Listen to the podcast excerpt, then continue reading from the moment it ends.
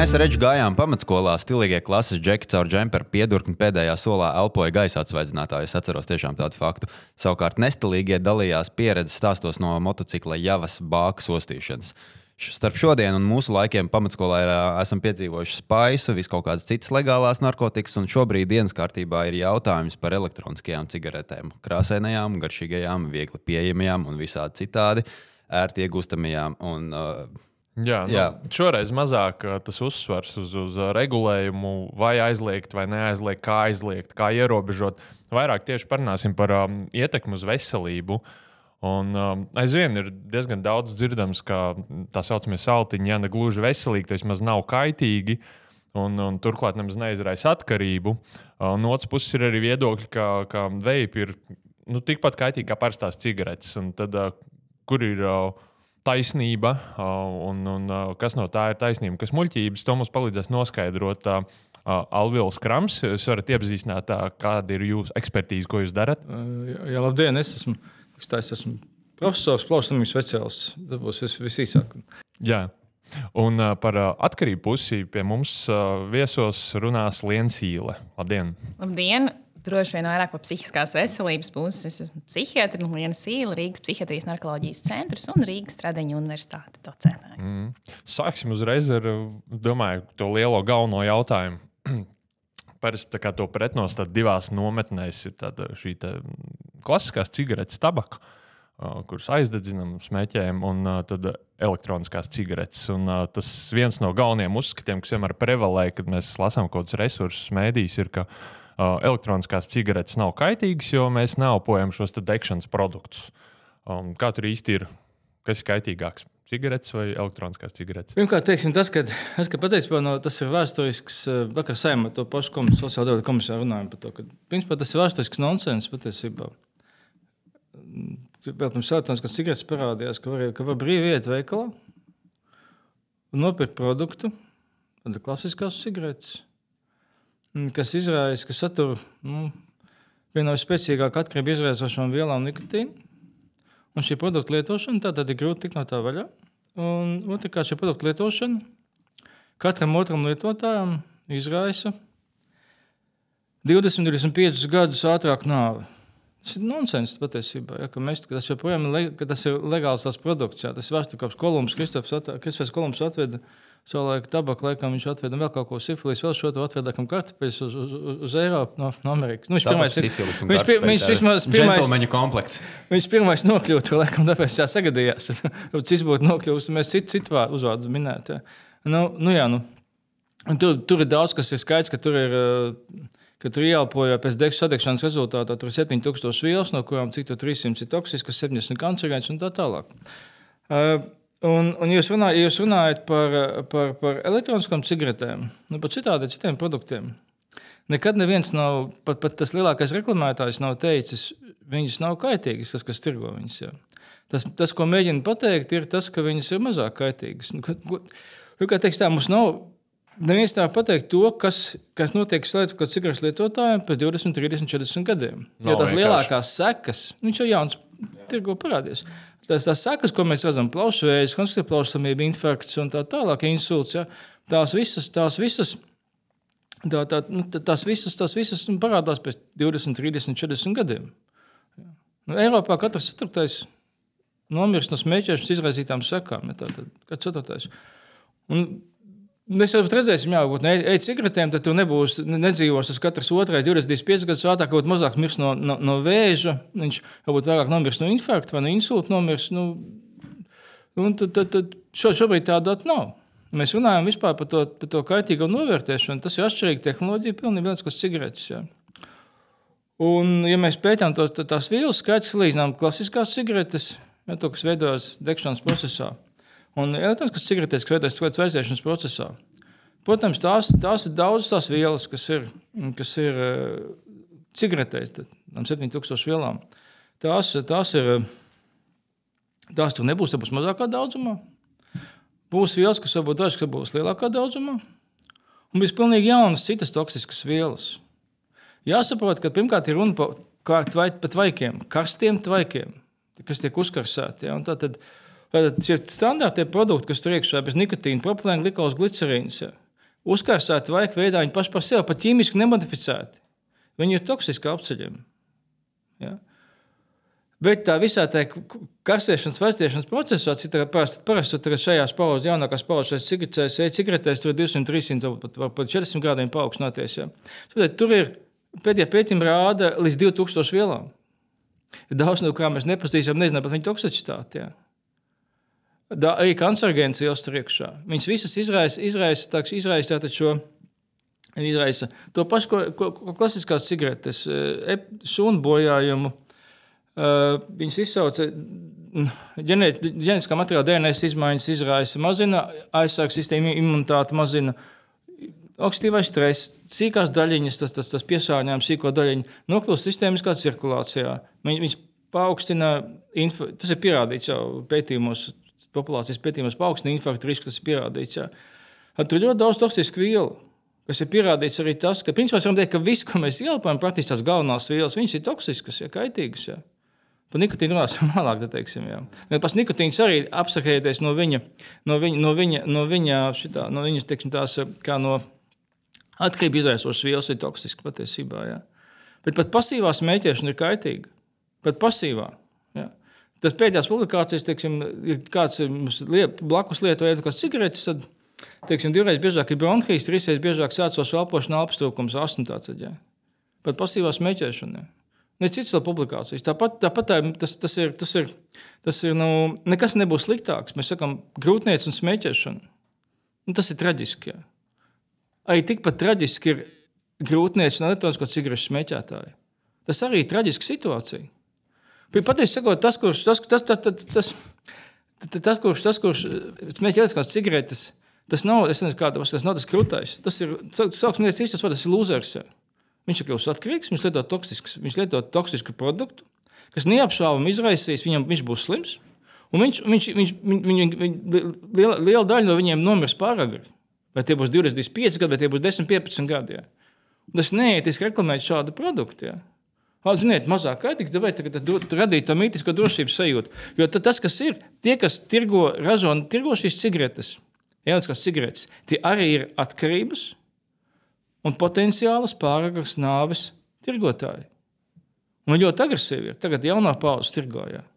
Nu, ko, ko, ko iznāk, iznāk diskutēt? Man ir jautājums, ja nav šo te, nu, ilgtermiņa pētījumu un saprotamu apsvērumu dēļ. Uh, no kurienes augt kājas šiem apgalvojumiem? Turpat reizēm tiek procenti pievilkt klāt, ka elektroniskās cigaretes ir par 90% mazāk kaitīgas vai par 95%. Turklāt, turklāt uh, šie pētījumi var atrast citātus arī no Lielbritānijas Savienotās Karalistes veselības dienesta. Viņi ir izvēlējušies tādu pieeju, ka viņi pat bez mazliet sanāk, tā kā bišķīt veicina to pāriešanu uz veipiem, kā veidu, lai atmestu smēķēšanu.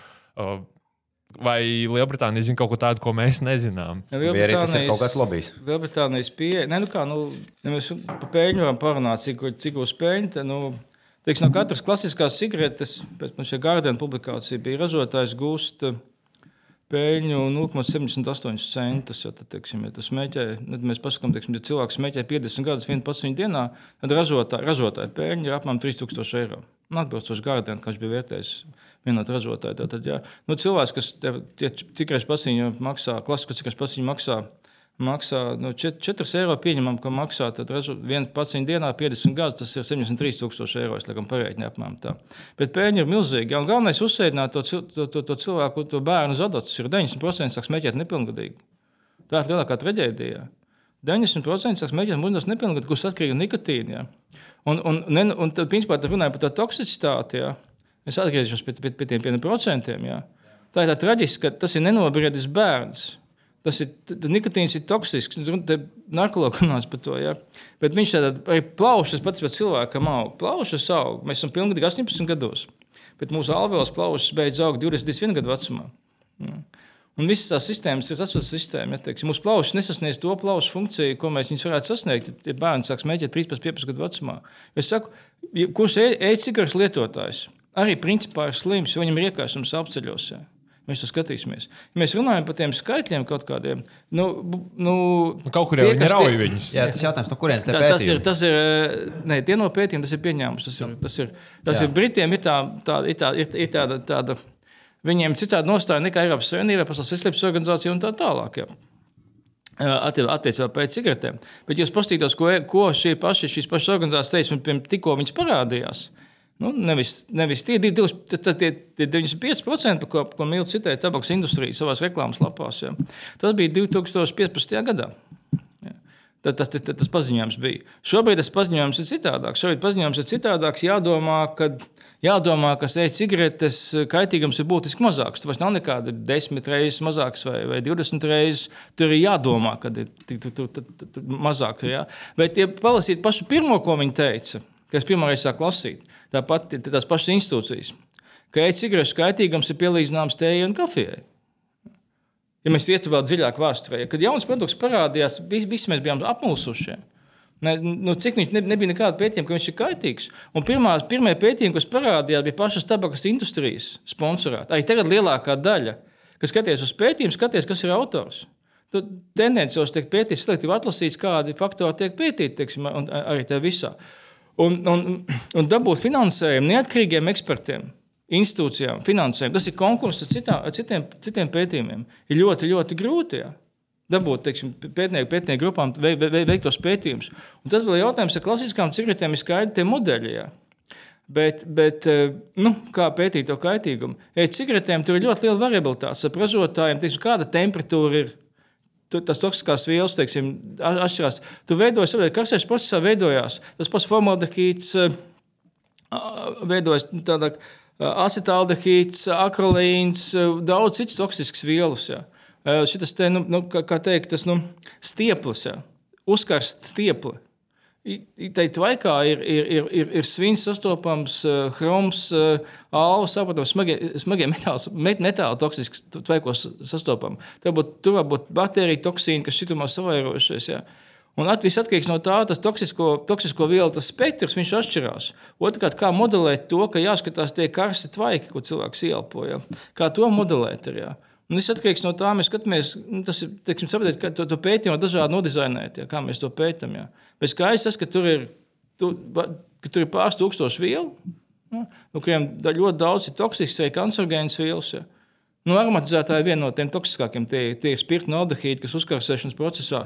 Jā, tā, jo augstāk viņi uzkarsē, vispār, vispār uz, uzkarsē šķidrumu, jo pārsvarā gadījumā vairāk toksisko vielu veidojas. jā. Tieši arī uh, gribēju arī iesaistīt sarunā uh, Lienu. Uh, jo mēs tieši tikko nonācām arī līdz garšiņām.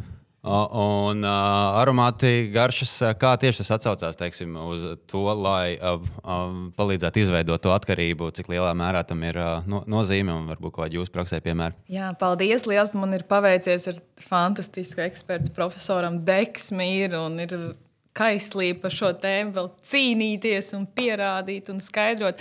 Psihiatri kļuvuši mazliet mierīgāki, jo mēs patiesībā tā ir mūsu ikdiena. Katrā pieņemšanā mēs to vien tik darām, kā skaidrojam par šīm izvēlēm. Jo patiesībā mm -hmm. nu, man jau uzreiz neironi visi bija sa saspicējuši savus, nezinu, astītes.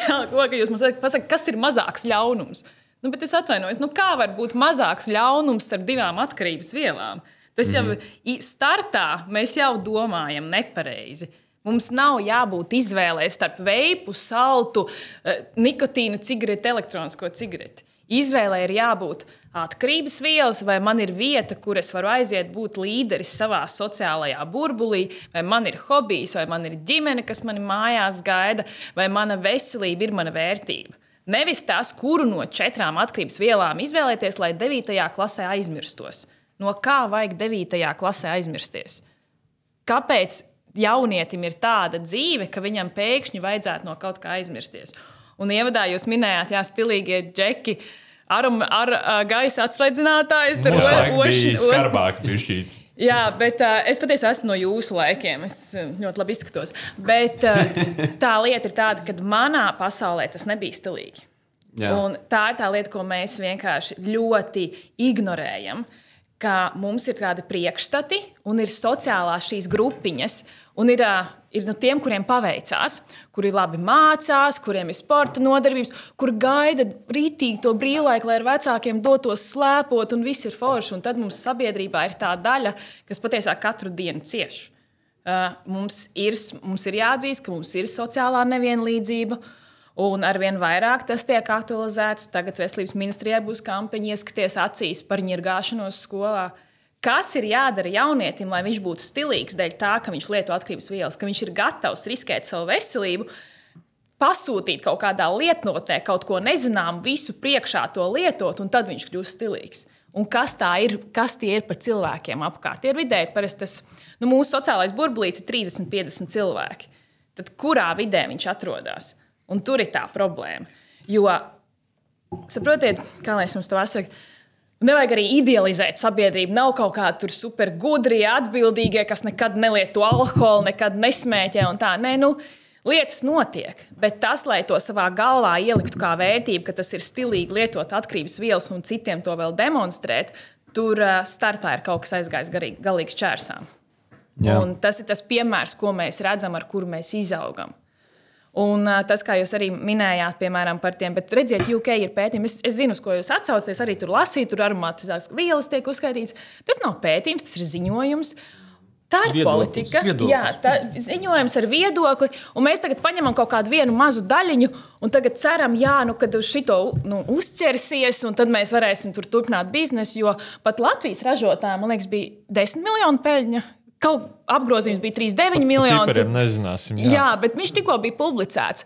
Un te mums atkal veselība jāņem no lobby un no uzņēmēja darbības. Tas ir vienkārši ļoti interesanti, ka nu, tik liela valsts kā apvienotā karaliste principā bāzē savas veselības rekomendācijas uz kaut ko, kas bet ir vienkārši ziņojums. Ir visur, bet nu, politika ir visur, es atvainojos, bet tas jau nav runas stāsts nav par veselību. Un ja jūs arī jautājat par to, kā rodas atkarība, un saprotiet, nu, atkarība var rasties jebkuram no mums. Tās ir vielas, kas iedarbo, iedarbojas uz centrālo nervu sistēmu. Nu, jūs nevarat apiet šo mehānismu. Un mums ir tad, tagad arī mūsu sabiedrībā, mums ir ļaunā farmācija, vai ne? Mums ir zāles, kurām ir baigās blakus parādības. Un arī man pieņemšanā pacienti var stāstīt, ka viņš lieto LSD, MDA, pīpē tur saltus, vēl viņš smēķē marihuānu. Un tad, un tad mēs meklējam risinājumu, un mēs sākam to ārstēt medikamentos. Tad ir, kādas šīm zālēm ir blakus parādības? Klausieties, ko jūs katru dienu sev lejat iekšā? Bet par medikamentu, kurš 20 gadus ir gājis cauri kliniskiem pētījumiem, jums jau ir iekodēts, ka tam gan būs blakus parādības. Bet redziet, saltiņam, mm, nē. Jā, šis ir ļoti labs punkts, jo atcaucoties uz ievadu, kurā es minēju, ka bija krūtie džeki skolā, kuri elpoja. Uh, Uh, gaisa atsaidzinātāji, uh, tie bija tie paši arī, kas uztraucās par Covid vakcīnas blokiem. es nezinu, ka iejaucos. Es gribu pateikt, ka, kas būtu jāsaprot, ka vajadzēja sākumā pašā pateikt, ka to var droši vien mikrofonam pateikt. Nē, es nezinu, ka veipošana tā ir smēķēšana. Ja kāds saka, ka, ka pāriet no klasiskās cigaretes uz veipošanu, ko Brita būtu mēģinājis teikt, tā nav smēķēšanas atmešana. Un pārsvarā gadījumā tas notiek, tas, tas, tas lieto gan, gan. Un paradoxāli daudzos pētījumos tas attiecās uz, uz kolēģis specialitāti par depresiju, kādas publikācijas ir.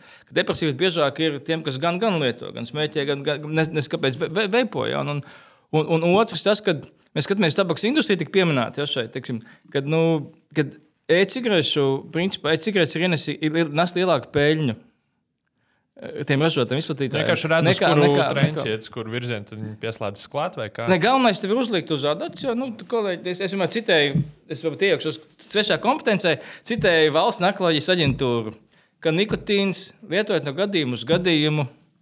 Ja viņam ir augstāks atkarības potenciāls nekā marihuānai, kokaīnam un, un heroīnam. Ja.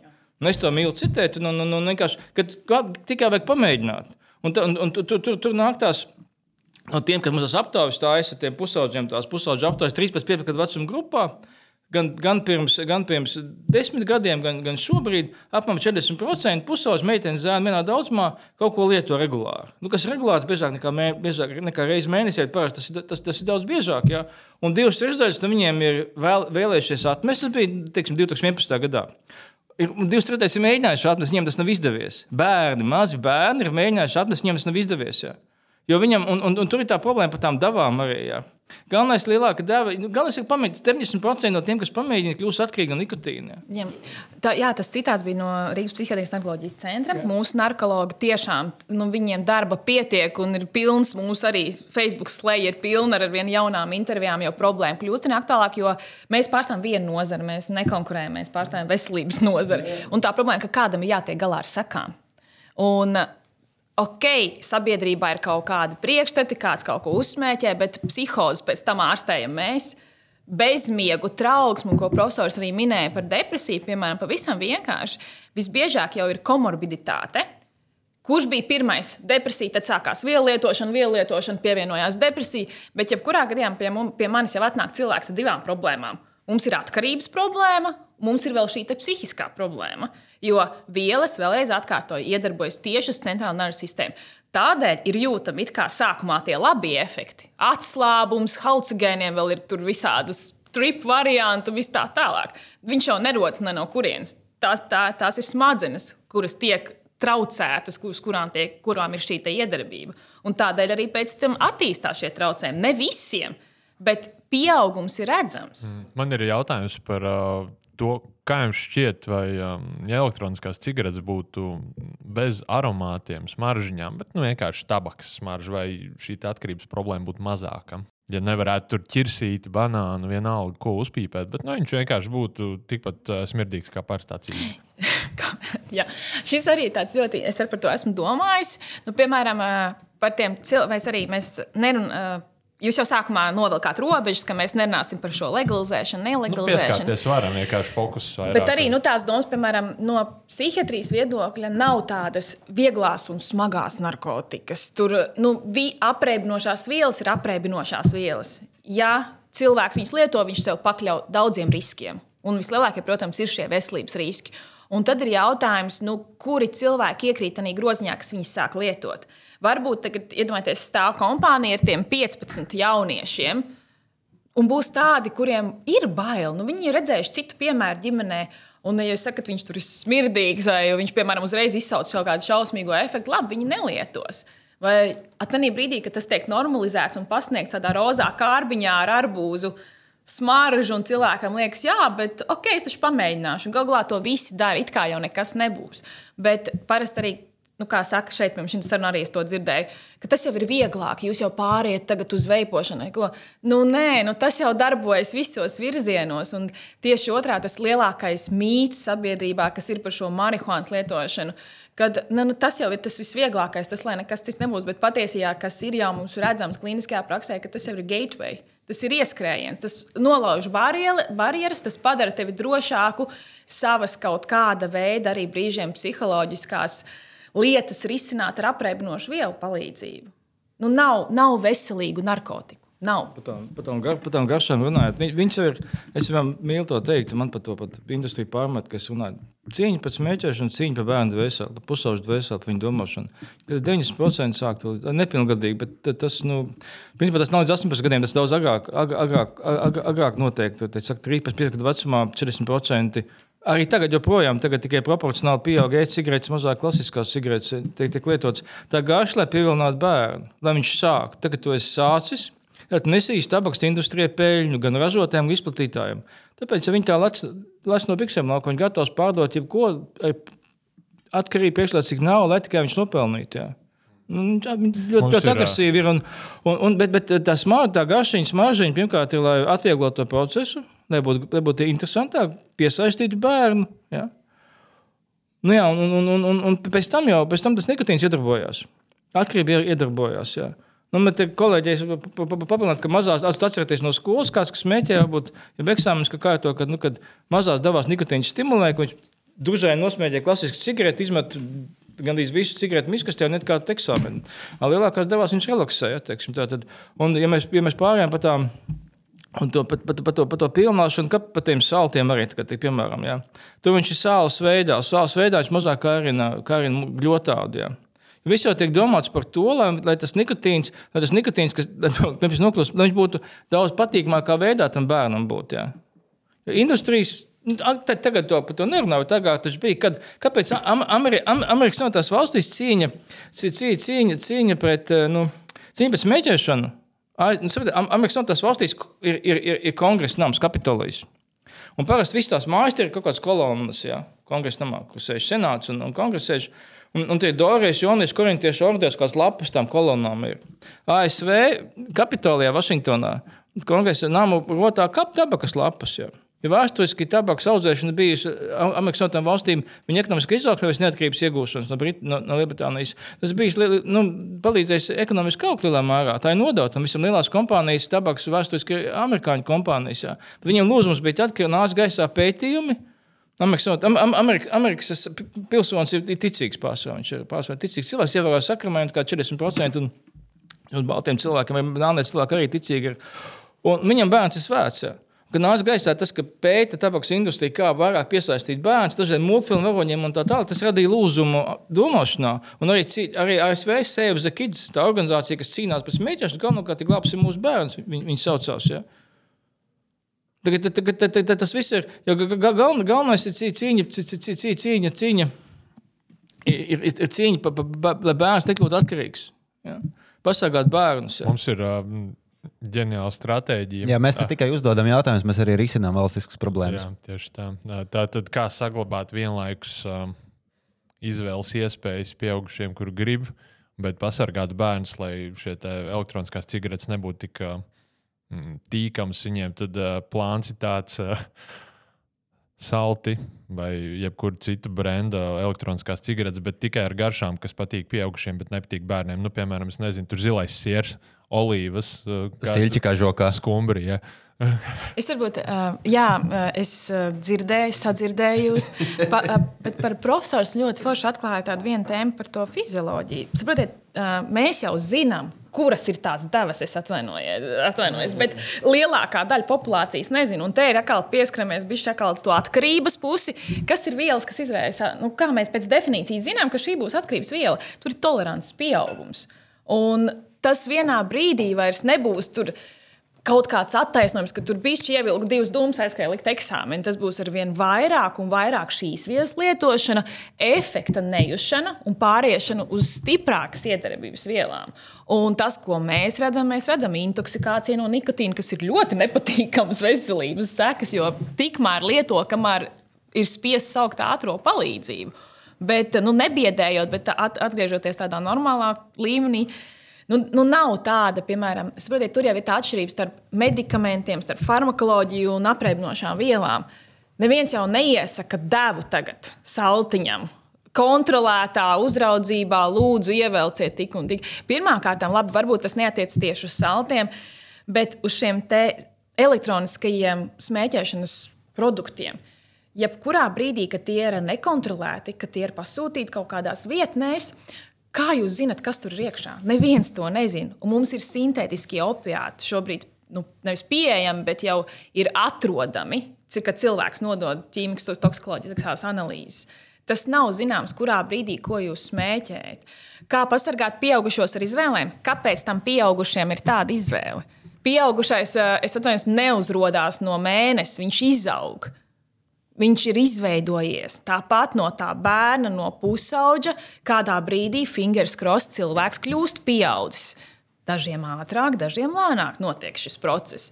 Bet tajā brīdī, kad tu esi jau pieaugušais, sevi tā definē un turpini izvēlēties veselībai kaitīgu uzvedību. A, no, tlīdās, no, arī paturpinot to pašu tēmu. A, Mums arī cilvēki rakstīja, kāpēc ir tā, ka vieniem izveidojas atkarība un citiem nē. Teiksim, arī šobrīd tie salti kļūst populāri. Cilvēki ir tādi, kur iepriekš nav smēķējuši, viņi sāk sociāli šādi uzpīpēt.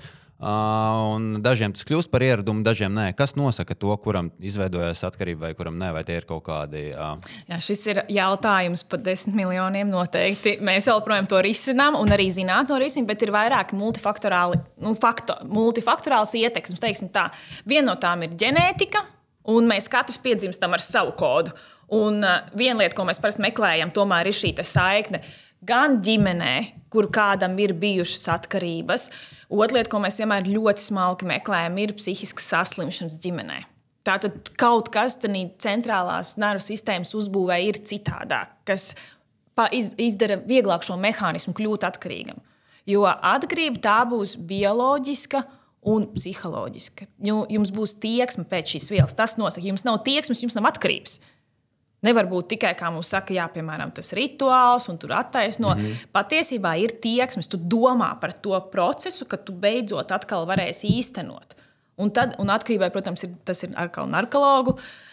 Tas grūtais darbs ir ļoti daudz kritēriju. Bet, jebkurā gadījumā, neviens nezina startā, kurš būs atkarīgs, kurš nebūs. Diemžēl nē. Ģenētiski marķieri, kur pateiks, ka šis cilvēks ar lielāku risku ir. Uh, nē, šobrīd uh, īsti tādu, ko mēs praksē, kliniskā ikdienas darbā uh, izmantot nebūtu, bet, protams, meklē šos variantus, kurus varētu tur skrīnēt. Bet, bet saprotiet, tas arī ir tā, tāda. Atkal lobiju zinātnē. Nu, tagad mēs noteiksim ģenētiski, kuri cilvēki var pirkt un uzturēt.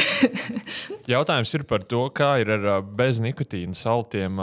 Vai var rasties arī atkarība no sociālā procesa, ka tu vienkārši, nu, it kā ir tās uh, e-cigaretes, kur nav nikotīns pievienots, vai viņš ir ļoti nelielā daudzumā. Bet cilvēki tāpat viņš smēķē. Un bariņā, vai es nezinu, izējot ārā, pasēdēt kaut kur, vai var rasties arī atkarība no šī sociālā procesa paša neuzņemot nikotīnu. Es tik ļoti skeptiski, es atceros, profesors, es, es, man ātrāk būs. es, es esmu tik ļoti skeptiski par šo nevainīgumu burbuli, ka tādā saltiņā nav nevienas vielas, kas būtu tur sliktas. Nu, nē, droši vien, ka nikotīns nav vienīgā viela, kā jau minēju, ir sintētiski atvasinājumi. Tāpat tas efekts ir darbība uz jūsu smadzenēm. Atslābināšanās, varbūt eiforija viegla, trauksmes maz, mazās devās, kaut kāda trauksmes mazināšana. Līdz ar to tur ir šīs vielas, kas iedarbojās. Vai atkarība var rasties nu, tikai no sociālās kopā būšanas, nu, tas nu, nav bioloģiski iespējams. Bet tas, ka cilvēks var justies vientuļš, viņš tiek visu laiku izstumts no kaut kāda tā sava burbulīša, protams, ka tas var veidot nepareizas. Nu, idejas, kur pievienoties kurai kompānijai. E, e, es trīs lietas, kas ir klausies, gribēju papildināt. Vienkārši, pirmkārt, nu, nu, tas pat tām. Um, par tām, par tām at, atkarībām. Es vienmēr teicu, nu, es ne, ne, vārdu ģenētika, es saku mīlestību, ko teicu mamma ieliek šupulī cilvēkam. Ja, pēc tam, jebkurš līdīgi nosaka mīlestība, un pēc tam vidu ieradumi, kas pēc tam, kad satikušies rosu un spēlēns, viņi satiekās, pēc tam sākās vidas un kaut kāda ieraduma, vai māmiņas ieraduma iedarbība. Teiksim, un, nu, jā, par to, par to atmešanu, par to, par to, ko jūs teicāt, nu, par to, diemžēl to, kas ir maz atkarīgi no nikotīna ļoti, ļoti maz. Ja mēs skatāmies reālā dzīvē, ka mēģina atmest smēķēšanu, parasti mēģina atmest tie motivēti cilvēki, vairāk vai mazāk. Un tad pēc gada 90% atsākuši smēķēt. Tā ir ļoti spēcīga atkarība. Ir, bet to laimīgo, Tu, tu, tu, to ir maz, pirmkārt, pat jāpasaka. Skaidrs, ka nav, nav melns un balts, ka nav totāli atkarīgs. Tas ir nu, kaut, kāds, kaut, kaut kāda pārējā, bet nikotīns, kā mēs runājam, ir, viņam ir tas atkarīgs potenciāls visaugstākais. Pat par heroīnu augstāks, par kokaīnu augstāks, marihuānu augstāks. Ir. Otra lieta par nikotīnu kā tādu, nu, varbūt par garšiņām, ja, ko es teicu par to piedāvājumu. Inkārt nikotīns ir smēķēšana. Un tas, kas tiek aizliegts cigaretēs, tas tiek, tad, tad tam ir jābūt aizliegts elektroniskās cigaretēs. Un visi šie, visi šīs, visas šīs garšvielas, aromatizētāji, viņas ir toksiskas. Visi toksiski, tur ir spirti, aldehīdi uzkāsētā veidā, tās ir toksiskas lietas. Jā. Varbūt vēl diskut, diskutēt par, par, par, tā, par tabakas garšu vai nē, bet, bet saprotiet, ja tu esi Tāpēc tā garša vajadzīga tam bērnam jau. Jā. Ja tu esi reāli atkarīgs, nu, tad tu, tu lietos to produktu. Ir viņam tā garša, nav tā garša. Nav tā, kā tu saki, kādā finanses ministrijā, ekonomikas ministrijā, viņi tos par, par sutenderiem sauc. Ja? Viņi gatavo pārdot daļu ko. Ja? Naivs smadzenes bērnu un tā tālāk, at, at, at, atkarībai, lai tik iekasētu kaut, kaut, kāds no, no, no, no, nodokļus iekasētu. Ja? Bet tas, kas, bet, bet tur nebūs tāds milzīgs zudums, jo, ja tu esi atkarīgs no nikotīna, pirms tu atmetīsi, tu viņu lietos. Ja? Varbūt tas, ka nebūs tās garšas klāt, tu būsi vairāk motivēts atmest smēķēt vai ēst cigaretes un klasiskās cigaretes. Un lai par pašu nikotīnu jāatcerās, ka nikotīns ir inde. Nu, tas ir teiksim, tas, nu, uzbūvēt pulveri uz, ādas. Ja? Cilvēku ļoti viegli nogalināt. Detektīvs tā tos aprakstīts. Gan jau kādā kristīnā ne, neaprakstīs, un nav kurš to aprakstīs. To. Bet toksiskā deva ir 0,1 līdz 0,5 līdz 1 mg uz kilogramu svaru. Tātad, ja? Tad, nu, viņš, viņš lietots kā indi plaši pasaulē, kukaiņas indēta un, un Vai, nezinu, vai, vai rāpoļus kaut kādus. Ja? Kā jau teicu, tagad, tā, tagad, tā, tagad viņi pārstāv lietot pasaulē kā Indija. Un viņš tagad vairāk tas, kas tiek iegūst no tabakas, parasti iegūst nikotīnu. Ja? Viss, kas ir sintētiskais, mazāk parasti no tabakas iegūst. Ja? Tas nikotīns tagad, tagad mēģina nikotīnas pilventiņus nu, piedāvāt arī, arī bērniem. Nu, to, to, Nikotīns pilmentiņš ar banānu garšu. Nē, nē, nu, ok, bet tā, tā, tas ni, ni, nikotīns jau agrāk lietoja, ka viņš citur tiek lietots. Un, un jās, jāsaprot, ka ar to flakoniņu, kas jums ir, ir uzpildāmais šķidrums, ir jā. tā 20 mg mililitrā. 10 ml, nu, pareiķiniet, 10 kg smags bērns. Cik bērns var nogalināt ar, ar, ar šo flakoniņu? Tā ir rinda, kas stāv mājās. Jā. Pirmais mirušais nāves gadījums bija, kad nomira gada vecs zīdainis, bija ASV. Tur tūkstošiem cendēšanās gadījumu ir. Jā. Viņš, viņš gada vecs bērniņš, viņš izdzēra šķidrumu ar, ar košļaņu garšu. Jā. Otrais, laikam, bija Dienvidkorejā. Nākamais zināmais apgabals gadījums ir jāatcerās, nikotīns ir indi. Jā, mēs lietojam indi, kas rada atkarību. Jā, nu, nu, nu, nu. Un pats nikotīna inhalācija, at, at, no atka, at, at, nu, ieelpošana, abstrahējoties no, no atkarības, viņš arī toksisks jāatcerās. Tas ir pārsteidzoši maz pētījis, līdz šim ir bijis tas, tas, tas faktors. Jā. Bet viņš ir toksisks. Viņš boja. Mums ir diezgan daudz arī klausītāju sasūtījuši jautājumus visādus.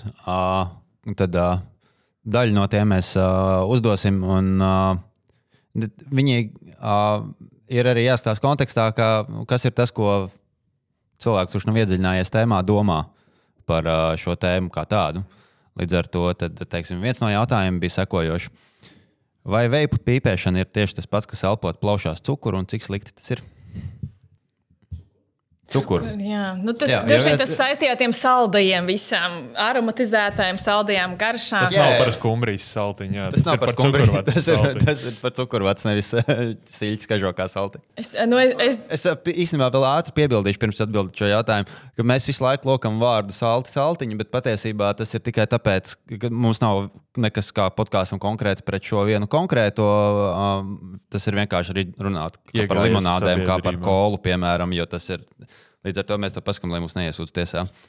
Runa ir par visām elektroniskajām cigaretēm, ieskaitot vūpus, saltus un uh, visus pārējos. Jā. Vai tas ir kā elpot cukuru?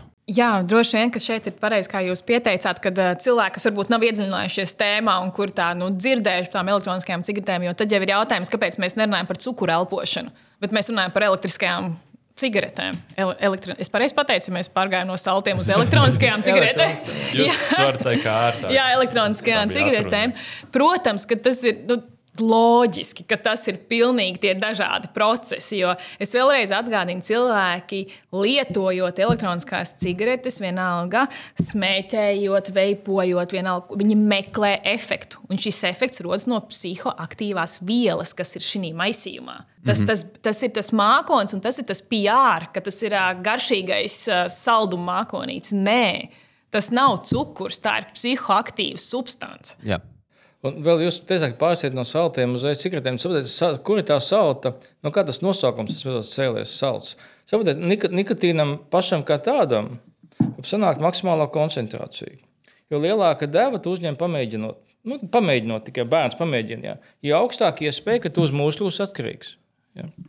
Un, principā, nikotīna sāls ir pasaules nikotīna sāls formā. Parasti tā tad, nu, tad maksimālā deva Eiropā mums ir kādi 20 mg uz mililitru atļautā. Jau. Un parasti ir dažādas 6, varbūt 12, 18 mg dažādi ražotāji, tas šķidrumos uzpildāmos dažādos ir. Un tas džūls, tas kaut kas varbūt līdzīgs saltam, kas ir ASV, tas, tas lielākā problēma, Amerikas un tas valstīs. Viņš no Eiropas aizgāja prom un džūlā. Viņa lieto, tur nav amerikāņu regulējums. Līdz šim nebija. Varbūt tagad parādījies beidzot džūlam tas regulējums. Un tur tā sāls parasti sāls formā nikotīns. Jo nevis, nevis atļaut, ir, ir, 20, ir 30, 50, 60 mg. Bet tas ir trīs reizes vairāk. Kādu? Pat trīs reizes vairāk. Nē, viņš ir augstāk nekā pieņemta norma.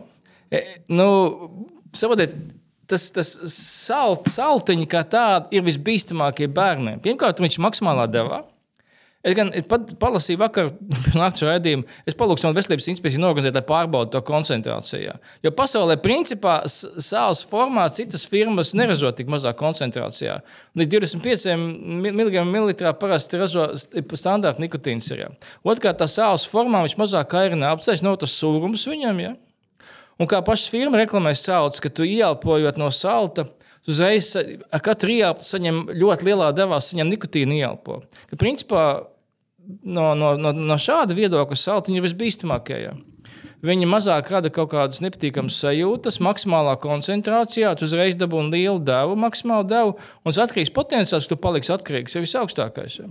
Es to gribēju piebilst. vēl, Kad... Un es varbūt vēl arī profesoru papildinot, bija baigi forši, no, ka jūs tā pasakāt, šis no šāda viedokļa tas visbīstamākais. Jo tagad mēs aizējām paskatīties pēkšņi statistiku.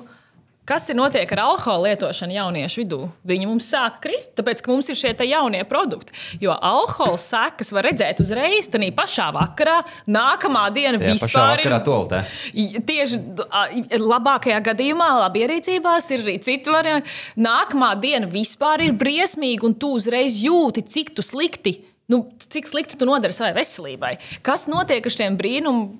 Pēdiņās produktiem tās veselības sekas, mēs, par ko mēs cīnāmies, jo mēs jau viņas nevaram uzreiz parādīt. Mēs zinām tos gadījumus, kas ir mums stacionēti, kas nāk pie mums ārstēties, kas ir konfidenciāli pa lielam, bet sabiedrībā ir tas uzskats, ka šis redziet mazāk kaitīgi, jo neviens nevem pēc divām stundām. Mm -hmm. Es, es par bērniem, es atceros par Britiem patiesībā. Tur, tur daudz, daži normāli, ne, ne, jau, ne jau visi domā tā, kā tur kā tas tiek, kas tas publikācijās kaut kādās ir ārsts un tā tālāk. Ja.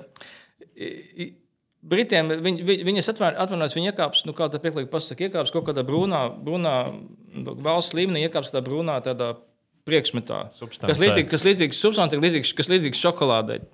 Jo, jo, jo viņiem, viņiem pieaug pēdējā gada laikā, ir divkārtojas e-cigaretes lietošana, liet, lietošana, lietošana bērnu vidū. Nepilngadīgo, ne, nepilngadīgo vidū, tas ir gadiem, no 11, no 11, 18 gadiem. Un pārsteidzošiem pieaugusi arī, pusotrais pieaugusi arī ir ir klasisko cigaretes lietošana. No 4, 6. Tur gan tie skaitļi ir nelieli, nav tik lieli kā Latvijā. Es domāju, ka Latvijā tur bija. Latvija tiek minēta kā cigaretes gadījumā, ka no negatīviem piemēriem ir pasau- atšķiram Pasaules veselības organizācijas oficiālo viedokli. Kā iesiet iekšā, iegūglēsiet, ja tur rakstīts, ka Latvijā tur laikam no 11 līdz 18 gadam, no 12, no kur, kur to gadu no 19 gadam ir divkāršojies uz 18% pieaudzis e-cigarešu lietotāju skaits bērnu vidū, tātad 13, 15 vecuma grupā. Jā. Es domāju, ka šobrīd viņš jau ir nu, 25%. Es, es, te, tas pētījums tūlīt beigsies, ja tā aptā- aptauja, kāpēc tā paša protokolā. Es domāju, tur būs 25, 30%.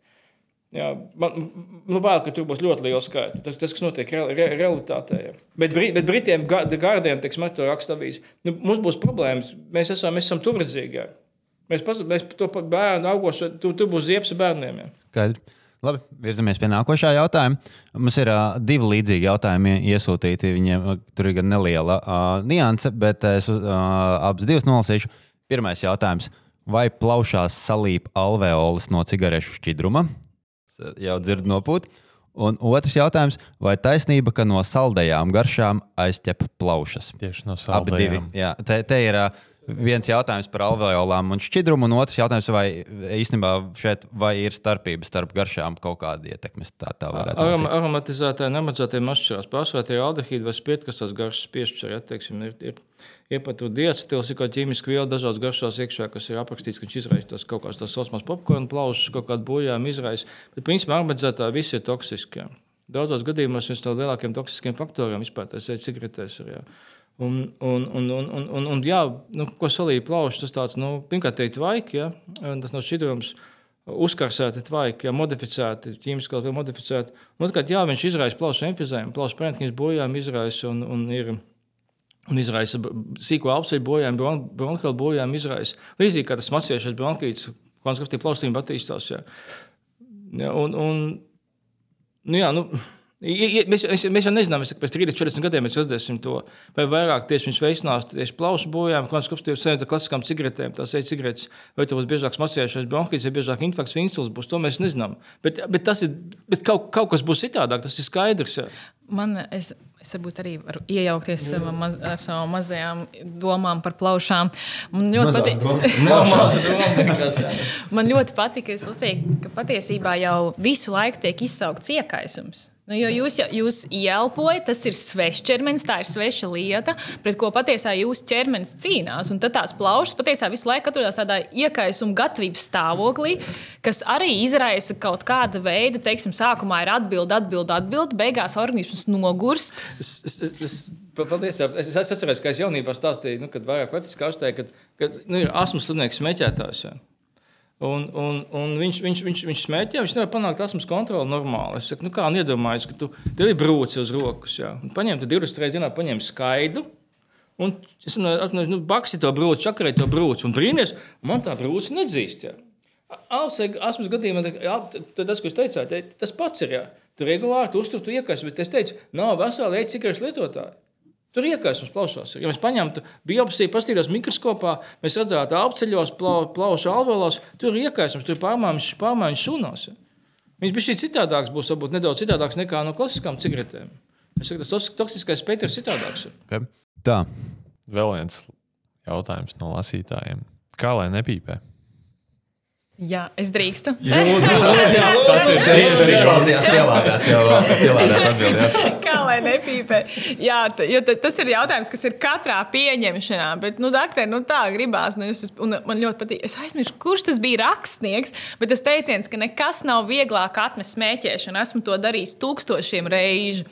Un kā lai nepīpē, pirmām kārtām ir at, nu, tas banālais, kad ir jāatzīst, ka jums ir atkarība. Un ir piemēri, kuri kaut mistiski, mītiski un arī reāli, kur pats var pārtraukt smēķēšanu. Un katram mums ir tāda piemēra. Nu, mēs dzīvojam valstī, kurā lieto alkoholu un smēķē, un katrs mēs arī zinām, kurš ir pārstājis lietot alkoholu, kurš ir pārstājis smēķēt. Vai jūs būsiet tas laimīgais? Lai izdodas, bet drošāks veids tomēr ir meklēt atkarību speciālistu. Mums ir narkologi, ir viņi pieejami, mums ar vien pieejamāk kļūst psihiatri, jo patiesībā ir jānovērtē gan šī atkarības teiksim, pakāpe, gan arī tas, ko, kādi ir jūsu resursi. Kurā brīdī tas, ka jūs smēķējat, kļūst jūsu izpratnē lielāks kaitējums veselībai, nekā tas iegūms, kad redziet, jums ir viens rituāls, jums ir iespēja ceļiem iziet tur pusdienas pārtraukumā vai paņemt, piemēram, nu, kas, eh, kas nesmēķē, tas strādā. Tas ir tāds mīnus, ir, jo pārējie iet pīpauzēs ik pēc divām stundām. Nu, Kā jūs esat gatavs at, atteikties no šiem īstermiņa iegūmiem, lai redzētu ilgtermiņa iegūmus savai veselībai, kā piemēru savā ģimenē, kā piemēru arī varbūt saviem, savam draugu lokam? Uh, bet atkarībai būs nepieciešama palīdzība. Tas ir vēl viens resurs. Un es noteikti ieteiktu vismaz konsultēties, ne, ja ne uzreiz pašam sev sastādīt plānu. Viss man tagad ir jāiet pie psihiatra vai pie narkologa. Bet ko, konsultēšanās nolūkos aiziet pie profesionāļa. Pavisam noteikti. Pirmais solis. Papildināt, jā, es, es arī ieteiktu iet pie profesionāļa, īpaši tiem, kam ir Nu, kā, pirmā galvenais ir motivācija. Ja. Nu, tas, ko, tas, ko kolēģi teica, ka nu, vajag saprast, to, ka tas atkarīgs un jā, jāatrod motivācija, kāpēc to atmet. Ja. Un, un, un, nu, okay, nu, Es varu teikt, kā, ka nevajag baidīties atmest to atkārtot, jo tu parasti zini, ka tu paslīdi, tad pirmie trīs mēneši slidinās, slidinās, slidinās, ir.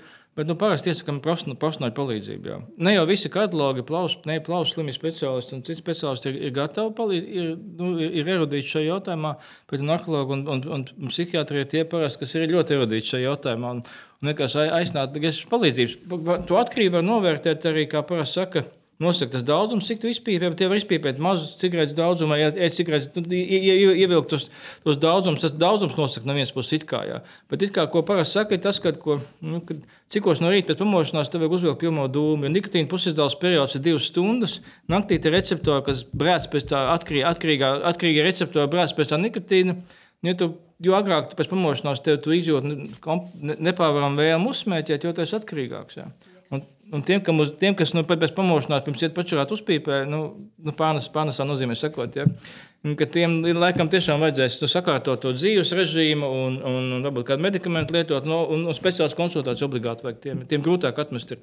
Jo nav jau tas, nav vai balss vai melns atkarīgs pakāpes ir dažādas. Ja. Un domas viņas jau aizpildās ar visu ar šo te ar domāšanu par šo procesu, ar fizioloģisko tieksmi un ar domāšanu par to, kad, ar, nu, kad es varēšu, kad man sanāks, un tad ir tā atvieglojuma sajūta.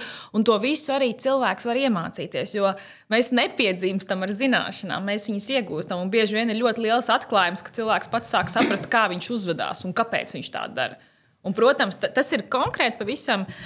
Racionāli tiek sastādīts ārstēšanās mērķis, ir ļoti liela daļa šim te, kā saka, modernu rehabilitācijas pasākumiem, kas ietver gan psiholoģisko atbalstu, gan arī fiziskas aktivitātes. Bet prioritāri, kā teica profesors, ir motivācija. Neviens cits jūs, nu, jūs vietā atmest nevar. Tā gan taisnība. Bērniem to varbūt ir grūtāk, tā motivācija. Ar, arī tā problēma, ko es saku, tas ir nav no plaušu ārsta viedokļa, vispār neko ārsta viedokļa. Nekas nav ļaunāks, kas mēķē uz grūtnieci. Tur ir tā problēma, ka pirmkārt grūtnieci daudz uzskata, ka ēķis cigaretes nav kaitīgas. Jūs atšķiriet internetā, ko raksta, tie, tie, tie, tie, tas tāpat ir saistīts ar toksisku, dramatisku ietekmi uz augli. Ja, tā, teiksim, man, Jo tas, ko, tas, tas, tas, tas, tas, tas, tas, ir, tas ir noziegums pret, pret, pret augli, pret to pašu pret augošo bērniņu, ja māmiņa smēķē. Problēma ir tā, ka viņi nespēja atmest. Bet, bet viņi atrod to motivāciju. Un tās tās traģēdijas ir tās smēķējušās māmiņas, kas nav spējušas tikt galā. Ja. Tas ir šausmīgi. Jo, jo tie, tie skolā, tīpaši pieteikta vecumā, tie, kas lietotās, jūs redzējāt to ikdienas praksē, vienkārši, ka tie nu, ka zēnu meitenes smēķē ap 40% kaut kā regulāri lieto vienādi. Ja. Tur nav tikai agrāk vīrieši biežāk. Latvija kaut kādā pirms gadiem, 90. gados, Latvija pēc vīriešu smēķēšanas, pieaugušo, virs 15 gadiem, vīriešu smēķēšanas bija otrā, trešā vietā pasaulē pēc pasaules veselības organizācijas datiem. Nu, divas trešdaļas Latvijas vīriešu pieaugušo smēķēja. Tad nu, Dienvidkoreja, Krievija, Latvija bija, bija vadošos savulaik vietās. Un sievietes ap 10% smēķēja 11, bet tagad ir ielikās vienādi ir zēna un meitenes. Un tas ir traģiski smēķējoši. Es pas, pastāstīju, stāv rindā. Ja. Nu, stāv rindā pie, pie tiem, pie tiem, pie tiem, pie tiem nu, lielākā veikalā, stāv rinda pie tiem, kur pārdod cigaretes. Ja. Bet tur stāv meitenes, atvainojiet, šobrīd ir akcelerācija. Ja es skatos, viņām ir 13, 15 gadi. Ja. Nu, 16 gadu maksimums. Ar pasi rokā viņš stāv. Es, es domāju, tā ir, tā ir māmiņas vai vecmāmiņas vai māsas pasi, ko viņš stāv. Viņām dod, bet neskatās, ka viņš pērk. Ja. Bet tas ir dramatiski, ka stāv rindā jauna meitene, kas stāv rindā pēc cigaretēm vai pēc e-cigaretēm. Nu, tas, tas, tas, ir, nu, tas, tas ir šausmīgi patiesībā no ārsta viedokļa. Pilnīgi noteikti. Uh, nākošais jautājums. Ko iesūtīs kāds mārcis, kurš mēdzot uzpīpēt uh, ballītēs? Vai ir pazīmes, ka kā neregulārs smēķētājs, tu vari novērot, tu esi kurīs par daudz? Un es pieņemu, ka tas ir jautājums arī regulāriem smēķētājiem. Vai ir, nezinu, ka tu esi bijis un sapīpējies vakarā, un tad nākamajā dienā, nezinu, krīt ārā plauši pa vienu pusi? Plauši nekrīt ārā. Tās pazīmes ir pirmais, droši vien, ka tās ir miega traucējumi, tad ir galvas sāpes nākamajā rītā. Jo, protams, ka miega struktūra ļoti mainās. Un tad kā tu esi gulējis, bet patiesībā tavs smadzenes nav atpūtušās, jo vairāk ir bijis tas virspusējais miegs, jeb ātrais miegs mazāk dziļais miegs. Uh, tā pašā laikā vairākas reizes varbūt pamosties no tā, ka tiešām ir savs mute, ka gribās dzert uh, no nepatīkamām šīm garšām, no tādas pašām tādas pretīguma sajūtas. Bet droši vien uh, tas, kas mēs runājam par psihiskām funkcijām, ir grūtāk koncentrēties. Parādās trauksme, ir abstinence, arī nikotīnam ir abstinence. Līdz ar to nu, tās ir tās ves veselības sekas, par ko mēs runājam. Mm -hmm. Noindēties nikotīnu laikam ir smēķēt grūti. Jau, tiksim, noindēties, nomirt. It kā šādi paprakstīja divu gadiem, kas no tās valstīs, kad cilvēki divi brāļi ir. Tad, cik tas ir 80, cik tur izsmēķējuši cigaretes vai cigārus un nomiruši. Bet, principā, tā sākās slikta dosu vēmšana, kad tev intriks, kas sākās. Un, jo tā, tā, tā, tā deva, ka cilvēks būs ba, kā baudviela nikotīns, ja viņš to relaksējās, un kad sākās toksiskās blakus parādīs, parasti Nakloks, nu, pa, pa, divas, trīs, nu, trešā daļa vai pusi no tās, kad sākās blakus parādības, tā baudas deva ir. Jau uzreiz to, to jūt cilvēks, tāpēc noindēties ir grūti. Pēc cik ilga laika mēs varētu gaidīt kaut kādus jau um, tādus uh, labus uh, pētījumus par ilgtermiņa ietekmi uz veselību? Nu, tie vēl būs desmit gadi, 15. Ne, ne, nu, kā, nu, saprotiet, tās vēlīnas, tāds parādīs, ka plaušas vēzis, balsenes vēzis. Nu, viss, viss onkoloģis, ka daudz apkopā, ka cits asas slimības konstruktīva plaušu slimība un tā tālāk. Tās sekas jau parādās pēc 30, 40, 50 gadiem. Tās nav akūtās sekas. Runājot par akūtām sekām, jā. nu, klasiskajai cigaretei tās akūtās sekas, nu, tur ir ļoti reti aprakstīts, ka būtu kaut kāds ka pacients no smēķēšanas, ir tas eozinofils pneimonijas, kad atsevišķi gadījumi, kad akūts, kad cilvēks nokļūst ar bez zemes kābekļa līmeņa asinīs slimnīcās. Bet, teiksim, e-cigaretēm tāda akūt, akūtās gadījumus ir gan tas ir valīgi, kad bija tas apmaksātas valstīs pamatā, viņš bija pašā. Ir arī akūti bojājumi, teiksim, tādi ir biežāk par klasiskām cigaretēm. Jā.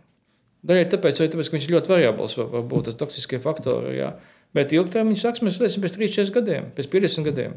Bet šobrīd neviens nevar pateikt, kādas būs tās sekas. Jā. Un, kā jau teicu, tā, tam ir pētījumi, ka mēs, ir, ir dažādi modeļi. Jā.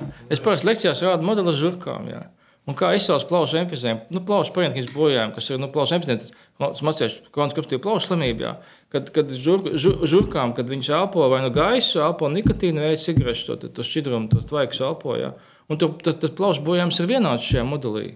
Vienādi liels ir teiksim, tas bojājums. Jā. Un Tas atkarīgs, atkarīgs no modeļa, kā mēs skatāmies. Jā. Un, un iespējams, ka mēs varam uztaisīt modeli kaut kādu arī, kur tas, tas bojājums no e-cigaretēm gan jau būs lielāks. Jā. Jā, nu, Bet tas ir ļoti, ļoti, tas ļoti daudz to faktoru patiesībā. Bet tā pašā laikā man liekas paradoxāli. Nu, mums jau ir pēt, pētījumi par piemēram nikotīna ietekmi.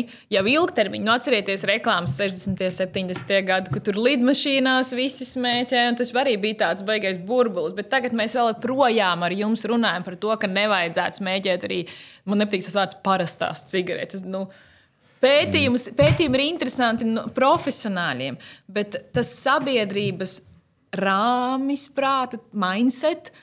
Viņam ir jāmainās mazliet citādi. Īstenībā ar šīm cigaretēm, man liekas, vēl viens tāds aspekts ir, ka nu, ja tev blakām, kā nesmēķētājiem smēķē nosacīts parasto cigareti, cilvēki biežāk iebilst nekā tad, ja tas ir vienkārši veids, jo nu, viņš nav tik nepatīkams aromāts. Tas arī varbūt bija normalizē to visu. Tas kad, nu, nepareizi normalizē. Tas, jā, ko jūs jā, pats jā. vairākas reizes sarunā esat teicis, ka tā smaržģiņa, smaržģiņa taču ir patīkamāka. Un tas, ko arī profesors teica, ka tas jau noņem no to ļa, ļaunumu mākslīgi, bet, protams, tas, tas apmāns. Jā, tas par to, par to, par to, to pasīvo smēķēšanu. No pasīvās smēķēšanas, ja mēs sakām, nu, katrs desmitais, kas kas, kas mirst no pasīvās smēķēšanas, gan no, no smēķēšanas, cigaretes smēķēšanas. Mm -hmm. Apmēram katrs desmitais uzskata, ka no, mirst no pasīvās smēķēšanas. Jā. Tas skaidrs, ka tā, ka tā, ka tā, tā toksisko vielu koncentrācija nav tik augsta, bet, bet viņi ir pie toksiska augstā līmenī. Ja, teiksim, teiksim, kaut kādā ir, ir, ir, ir, ir, ir, ir arodi, kur teiksim, pat rīt. Nu, Trīs pat rīt, nevis desmit, nu, kad teiksim, bārā strādāja, kas smēķēja. Ļoti augsta eksploatācija cilvēki, kas strādāja.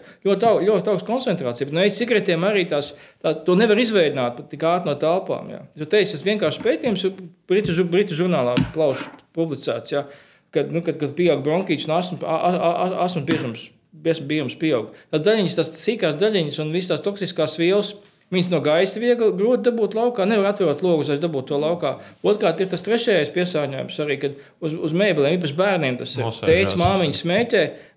Viņš, kā runāja par klasiskām cigaretēm, attiecās uz zeķigrētiem. Tas, tas, tas, tas, tas, tas, tas viss attiecās. Jā. Ir vēl ceturtais piesārņojums, kad, kad, kad atrod benčiks, atrod un pustukšā zeķigrētes un, un, un maz bērnu. Viņš, viņš, nu, nav līdz galam izlietots un bērni izlietoja. Nu, tas, tas, tas, tas, tas, tas arī būtu būt, būt, būt jāatcerās. Labi, mums ir vēl divi ļoti ātri noslēdzošie jautājumi. Pirmais, es domāju, ka šeit atbilde būs ļoti īsa. Vai jūs paši esat pamēģinājuši pīpēt elektroniskās cigaretes? Nē, un nemēģināšu. Un tas arī Es īsi profesorātu pateikt, kas man Lūdzu, vienmēr fascinē, ka es strādāju ar visu, sākot 18, plus es esmu pieaugušo speciālists. Un uh, ar vien vairāk nāk jaunieši, un mēs par to patiesībā priecājamies, jo tā ir sabiedrības izglītošanai. Ir efekts, cilvēki nāk pie psihiatra. Un tad man ik pa laikam kāds pasakā, nu, jūs nelietojat, jūs esat pa vecu vienkārši.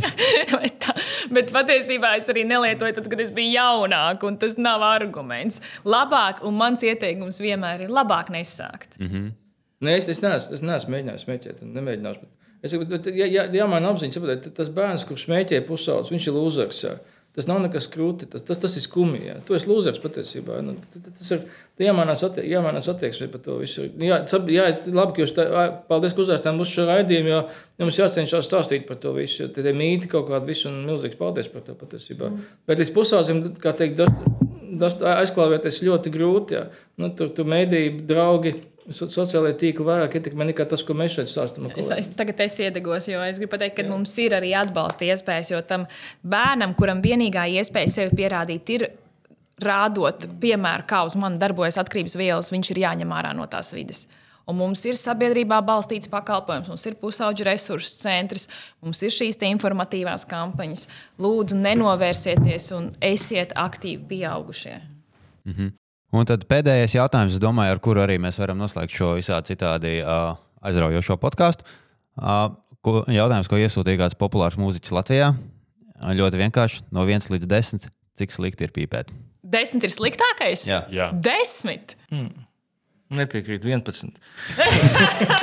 paldies! Labi, liels paldies. Sakam, liels paldies sakam, ekspertiem. Paldies Edžam, paldies Patrikam, kurš ierakstīja šo visu. Paldies Patrikam, kurš ļoti klusi mēģināja attaisīt konfekts uh, papīrītī, lai to neviens nedzirdētu. Bet Jā, es tagad pasaku, paprika mēs dzirdējām. Podkāsts Zinātnē vai muļķības ir tapis ar Mēdīju atbalsta fonda līdzfinansējumu.